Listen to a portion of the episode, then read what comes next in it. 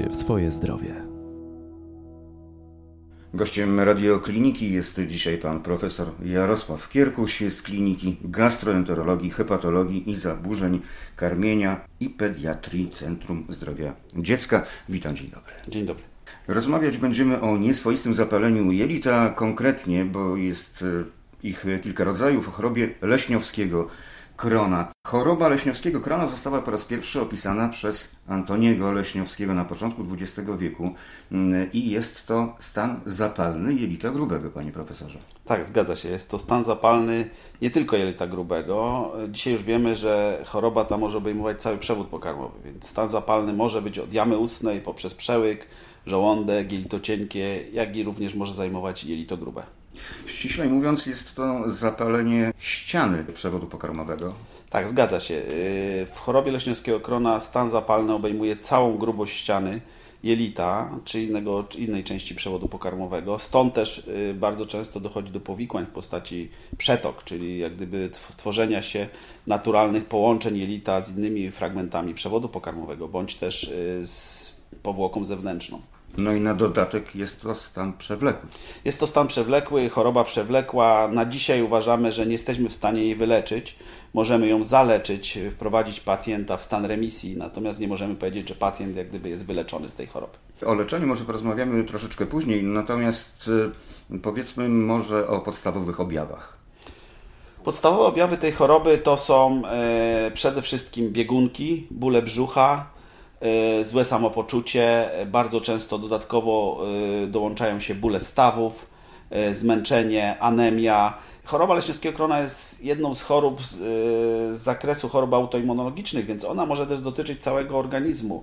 Pacjent czuje się zmęczony, nie ma siły funkcjonować, ale najczęstsze takie objawy to jest biegunka, często dołączą się krwią w stolcu, bóle brzucha, złe samopoczucie. Ale takie objawy mogą dotyczyć również wielu innych chorób.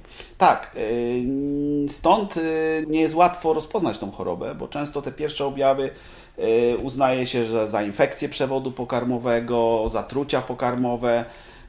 Jeszcze kilka lat temu od pierwszych objawów choroby do rozpoznania mijało według różnego typu piśmiennictwa około 4 lat. Więc pacjenci krążyli między lekarzem rodzinnym, hematologiem, lekarzem chorób zakaźnych, y, więc do rozpoznania dochodziło bardzo późno. W tej chwili z naszych ostatnich badań i takich y, dociekań wiemy już, że te, te, ta diagnoza jest stawiana dużo szybciej. U dzieci to jest około 8-10 miesięcy. Pochodzenie choroby. Pochodzenie choroby jest nieznane, stąd też y, trudna jest terapia tej choroby. Uważa się, że tak, mamy na pewno jakieś czynniki genetyczne tej choroby, to już jest udowodnione, ale uważa się, że też y, czynniki środowiskowe, y, żywienie odgrywa tutaj znaczącą rolę. Była to choroba, która jest chorobą, ewidentnie chorobą cywilizacyjną. Duża ilość chorych w Europie Zachodniej, w Stanach Zjednoczonych, ale w ostatnim czasie obserwujemy bardzo wysoki wzrost zachorowania w Polsce.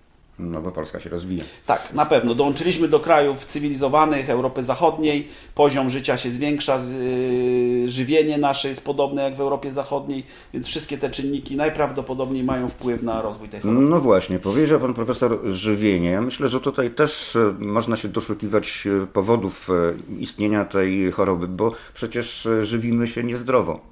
Ja jestem pewien, że żywienie ma tutaj duże znaczenie i duże podłoże. Choćby stąd też, że na przykład u dzieci pierwszą taką terapią, która jest skuteczna, jest tak zwana terapia żywieniowa, gdzie e, stosujemy specjalną dietę e, przez 6 tygodni, eliminując inne produkty i to jest dieta skuteczna. Ona jest skuteczna w około 70-80% pacjentów udaje się nam uzyskać remisję, więc ten czynnik żywieniowy bezwzględnie tu odgrywa bardzo dużą rolę. Jeszcze chciałbym wrócić do mm, wątku pochodzenia tej choroby, bo istnieje teoria, że ma ona swoje korzenie w upośledzeniu odporności nieswoistej, czyli ograniczeniu mechanizmów y, obronnych. E, Myślę, że wprost tak nie można powiedzieć. My badamy e, odpowiedzi immunologiczne u tych pacjentów. W większości pacjentów nie mamy zaburzonej odpowiedzi immunologicznej. Tu dochodzi do zaburzenia w trakcie tej rozwijania się choroby. Najprawdopodobniej pod wpływem zmiany flory jelitowej e, wytwarza się stan zapalny i organizm w, ten sposób reaguje zapaleniem. Czyli jest to jakaś choroba autoimmunologiczna. Natomiast nie są to takie pierwotne niedobory odporności typowe, które obserwujemy w innych jednostkach chorobowych. A jak to fizycznie w ogóle wygląda, e, ten stan zapalny? Zapalny. Wspominał pan profesor na początku naszej rozmowy o tych przetokach, ale to już jakby wtórna sprawa. Zaczyna się od czego? Co tam się dzieje konkretnie? W przewodzie pokarmowym dochodzi do zapalenia. Zapalenia to się wiąże z tym, że uszkadza się śluzówka jelita, tworzą się owrzodzenia, afty w przewodzie pokarmowym. No, związane to jest potem ze, złą, ze złym przepuszczalnością jelita, z biegunkami, z bólem brzucha. Czyli co, rozwarstwia nam się ta. Tworzy się stan zapalny warstwa? i owrzodzenia. E, mhm. Owrzodzenia, tak jak w innych chorobach czasami obserwujemy, czy w jamie ustnej owrzodzenia, prawda, czy na skórze, tak samo tu dochodzi w przewodzie pokarmowym do powstawania owrzodzeń, aft, stanu zapalnego.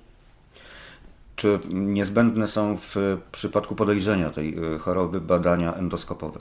Są niezbędne do rozpoznania, więc jeżeli mamy podejrzenie choroby, nieswoistej choroby zapalnej jelit, musimy u pacjenta wykonać badania endoskopowe, zarówno y, dolnego odcinka przewodu pokarmowego, czyli takie badanie, które nazywa się kolonoskopia, jak i gastroskopia, czyli oglądanie górnego odcinka przewodu pokarmowego, przełyku żołądka jelit.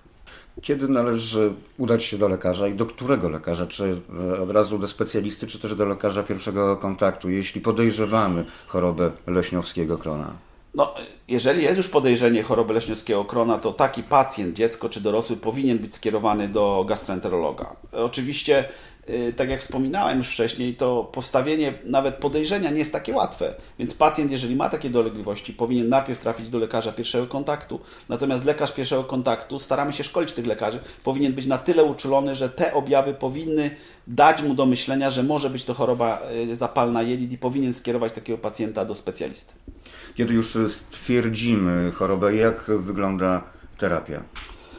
Leczenie choroby leśniowskiego krona mm, można podzielić na dwa etapy. Pierwsze o diecie jest... już pan profesor wspomniał, że przynosi tak, bardzo dobre e, efekty. Czyli pierwsza to jest taka terapia, żeby pacjenta wprowadzić w remisję, czyli po, jak gdyby celem naszym jest ustąpienie objawów choroby, wyleczenie śluzówki jelita. To jest wprowadzenie w remisję, i druga to jest podtrzymanie tej remisji.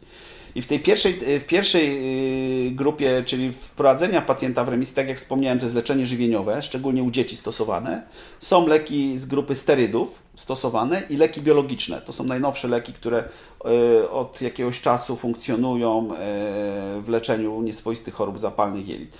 Natomiast w terapii podtrzymującej na pewno też dieta ma tutaj znaczenie, ale też stosujemy inne leki, takie jak leki immunomodulacyjne, które... Co to znaczy? To są leki, które wpływają na układ immunologiczny, troszkę go zmieniają, osłabiają, żeby nie dochodziło do, ponownie do, do reakcji organizmu i wytwarzania stanu zapalnego, ale też te leki biologiczne są stosowane w terapii podtrzymującej remisję. Powiedzmy coś więcej o tych lekach biologicznych. Leki biologiczne są to przeciwciała, które y, są produkowane przeciwko markerom zapalenia w jelicie. To są tak zwane antytumor necrosis factor, przeciwciała, które niwelują stan zapalny. Są to najnowsze leki mogą być stosowane dożylnie lub podskórnie. W tej chwili mamy programy terapeutyczne finansowane przez Narodowy Fundusz e, Zdrowia, który e, refunduje te leki. No, te programy są niezbędne ze względu na koszty takich terapii. One są dosyć drogie terapie. E, mamy je zarówno dla dorosłych, jak i dla dzieci. W ostatnim okresie takie są pozytywne zmiany, że zostaje ta terapia wydłużona u pacjentów. W tej chwili możemy leczyć tych pacjentów już dwa lata. E, w tej terapii biologicznej. No i ceny leków spadają ze względu na to, że pojawia, pojawiły się na rynku leki tak zwane biopodobne. To są nowe leki, które odtwórcze, które, które mają bardzo podobną skuteczność i bezpieczeństwo, a są dużo tańsze. Jednym ze sposobów e, leczenia choroby leśniowskiego krona jest podawanie aminosalicylanów. Z tego co się orientuję, to salicylany same w sobie mogą powodować nadżerki. Tak, no niektóre są, niektóre są przeciwwskazane. Są to preparaty z grupy tak zwanej 5-ASA, czyli 5-aminosalicylany. One są stosowane w chorobie Krona, ich znaczenie jest może nie do końca takie udowodnione. One, one stosujemy je ze względu też na taką chemoprofilaktykę nowotworową. Jeżeli mamy stan zapalny, stosowanie ich przez dłuższy okres może zapobiegać przyszłości chorobom nowotworowym i uważa się, że powinny być stosowane. W tej drugiej postaci choroby nieswoistych zapaleń jelit, czyli we wrzodziejącym zapaleniu tak grubego, one mają dużo większe znaczenie. One są i stosowane w zarówno w, w indukcji remisji, jak i w podtrzymaniu terapii. No i jest jeszcze terapia glikokortykosteroidami to terapia hormonalna, która też no, nierzadko przynosi jakieś skutki uboczne. No, y, my u dzieci bardzo nie lubimy tej terapii y, ze względu właśnie na działania niepożądane, głównie y, zahamowanie wzrostu, rozwoju dzieci, ale nie tylko, one powodują zmiany skórne, trądzik, co u młodzieży ma to ogromne znaczenie, zmiany w wyglądzie, więc staramy się ograniczać stosowanie sterydów, u, szczególnie u pacjentów młodych. Czyli jednak e, skłaniamy się ku lekom biopodobnym i tej rodzinie. E, myślę, że tak. Na, na pierwszym, e, pierwszym froncie leczenie żywieniowe, na drugim leki biologiczne. A proszę powiedzieć, panie profesorze, czy wchodzi tutaj w tym przypadku w rachubę leczenie chirurgiczne? Tak, leczenie chirurgiczne jest stosowane w chorobie leśniowskiego krona, natomiast staramy się zachować to leczenie dla tych przypadków, gdzie nie jesteśmy w stanie poradzić sobie w terapii zachowawczej są to najczęściej ciężkie przypadki, skrajne, gdzie nie udaje nam się uzyskać poprawy. W tej chorobie też dochodzi do zwężeń przewodu pokarmowego, czyli jelito, które jest w stanie zapalnym, gojąc się nawet, dochodzi do zwężenia i wtedy musimy takich pacjentów operować też. To jest dość poważny zabieg? No, zabieg na pewno nie jest łatwy, bo jest to operacja na jamie brzusznej. W tej chwili też wchodzą nowe techniki operacji. W naszym szpitalu wykonujemy zabiegi laparoskopowe. Czyli co, nieinwazyjne. Nie, no, no, w no, powiedzmy, no, trudno nazwać zabiegami nieinwazyjnymi, bo wkraczamy w jamę brzuszną, natomiast na pewno mniej inwazyjne, z mniejszym obciążeniem dla pacjentów. A leczenie chirurgiczne jakie przynosi efekty? W niektórych przypadkach bardzo dobre. Jeżeli mamy ograniczoną e, postać choroby, na przykład do fragmentu jelita tylko, to co może się tak zdarzać u części pacjentów, wycięcie tego fragmentu może przynieść remisję na długie lata, więc w niektórych przypadkach decydujemy się na leczenie operacyjne. A w przypadku, jeżeli zaatakowane jest całe jelito, no to tutaj... No, sprawa jest bardzo trudna, e, ale jeżeli mamy taki, takie przypadki, że mamy stan zapalny całego jelita grubego, nie jesteśmy w stanie poradzić sobie leczeniem e, farmakologicznym. Wtedy czasami decydujemy się na tak zwane wyłonienie ileostomii, czyli wyłaniamy część jelita cienkiego na skórę. E, to jest też oczywiście uciążliwe dla pacjentów, bo muszą nosić e, stomię, czyli worek taki, gdzie jelito się opróżnia. Jest to utrudnienie, ale w niektórych przypadkach jesteśmy do tego zmuszeni. I pacjent zostaje na zawsze już Niekoniecznie. Mamy, mamy przypadki pacjentów, u których y, wyłonienie stomii na jakiś czas poprawia funkcjonowanie jelita. Zastosowanie dodatkowo leków biologicznych y, jest w stanie nam wyleczyć pozostawiony fragment jelita i udaje nam się odtworzyć ciągłość przewodu pokarmowego. A teraz zakładamy, że choroba została opanowana. No i co dalej? Wracamy do niezdrowego trybu życia, odstawiamy dietę i tak dalej? No w tej chwili staramy się, jeżeli uda nam się uzyskać remisję, edukować pacjentów dietetycznie aby zdrowo się odżywiali. Y, mamy specjalnych tutaj wyszkolonych dietetyków, którzy pomagają tym pacjentom. No i oczywiście to zależy też od przebiegu choroby. U niektórych pacjentów nie jesteśmy w stanie odstawić leków. Zostawiamy tych pacjentów na leczeniu farmakologicznym latami, żeby nie dochodziło do nawrotów. Szczególnie w tym okresie dojrzewania pacjentów, kiedy zależy nam, żeby oni dobrze funkcjonowali, skończyli szkołę, zdali maturę, więc wtedy utrzymujemy to leczenie farmakologiczne. W Centrum Zdrowia Dziecka powstał pierwszy w Polsce zespół do leczenia nieswoistego zapalenia e, jelit. Może pan profesor zechciałby coś więcej powiedzieć? Może nie pierwszy w Polsce, to jest pierwszy taki zespół, y, który działa w szpitalu pediatrycznym. Natomiast y, ośrodki dorosłych mają taki zespół w szpitalu MSWiA w Warszawie u pani profesor Rydzeskiej funkcjonuje taki zespół. Tam nawet powstał pododdział dla tych pacjentów.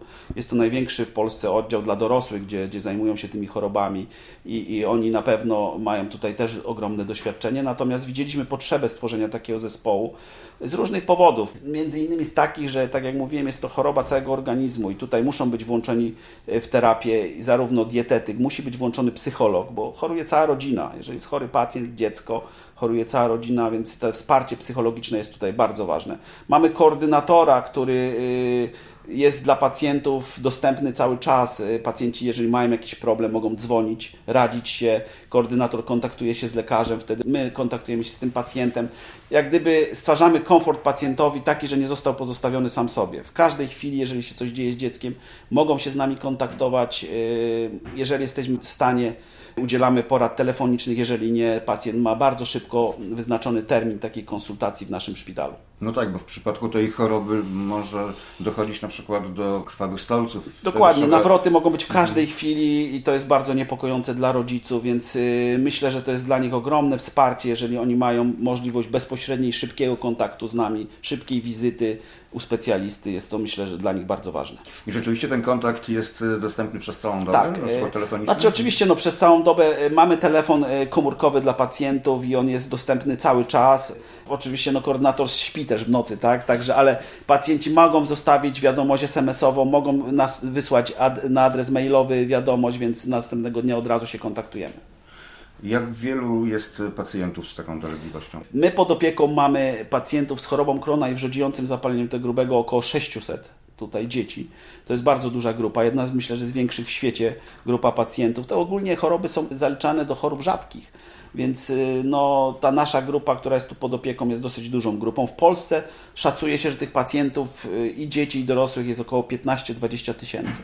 To chyba dużo. No jest to jest dużo i widzimy wzrost zachorowań na tą chorobę. Ja nie mam, nie mam tygodnia, żebym nie miał nowych pacjentów. W miesiącu jest ich przynajmniej kilku nowych pacjentów z rozpoznaną chorobą krona lub wrzodziejącym zapaleniem grubego. A jeśli chodzi o zespół pana profesora, zespół, w którym pan profesor pracuje, czy to jest y, stały skład, czy też e, rotujecie, jeśli chodzi o. E, mamy stały skład specjalistów, czyli tak jak mówiłem, e, mamy specjalistów gastroenterologów, mamy specjalistę chirurga, który z nami współpracuje cały czas. Mamy grupę kilku rezydentów, którzy się zmieniają. Musimy mieć wsparcie jednak, bo to jest duża ilość pacjentów i oni się co jakiś czas zmieniają, ale mamy stałego dietetyka, mamy stałego psychologa i mamy zespół współpracujący tutaj naszych takich specjalistów, którzy są do naszej dyspozycji. Mamy mikrobiologa, mamy radiologa, który jest potrzebny, farmakologa. Są to osoby, które z nami na stałe współpracują. Nie są bezpośrednio w zespole, natomiast dają nam takie wsparcie merytoryczne w razie potrzeby pacjent jak długo pozostaje na oddziale? To wie pan, co zależy. Staramy się w tej chwili tych pacjentów jak najkrócej trzymać w, oddziale. Większość nawet diagnostyki możemy zrobić y, w warunkach ambulatoryjnych i do tego się w tej chwili skłaniamy, żeby tych pacjentów nie kłaść do szpitala, jak nie ma takiej potrzeby.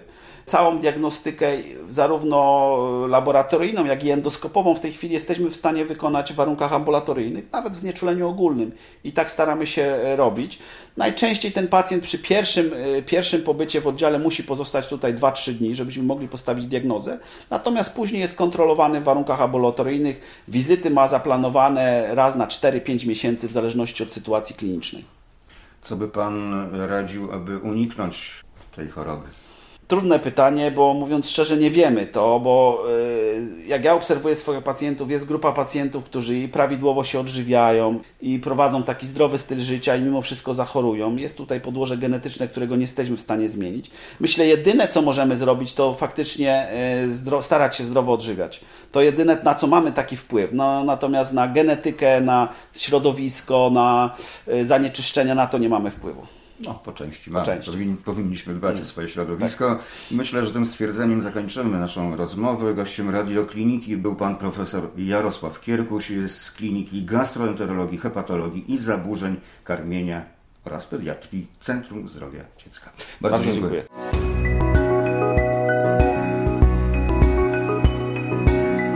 Więcej audycji o zdrowiu na stronie radioklinika.pl oraz w naszej aplikacji mobilnej.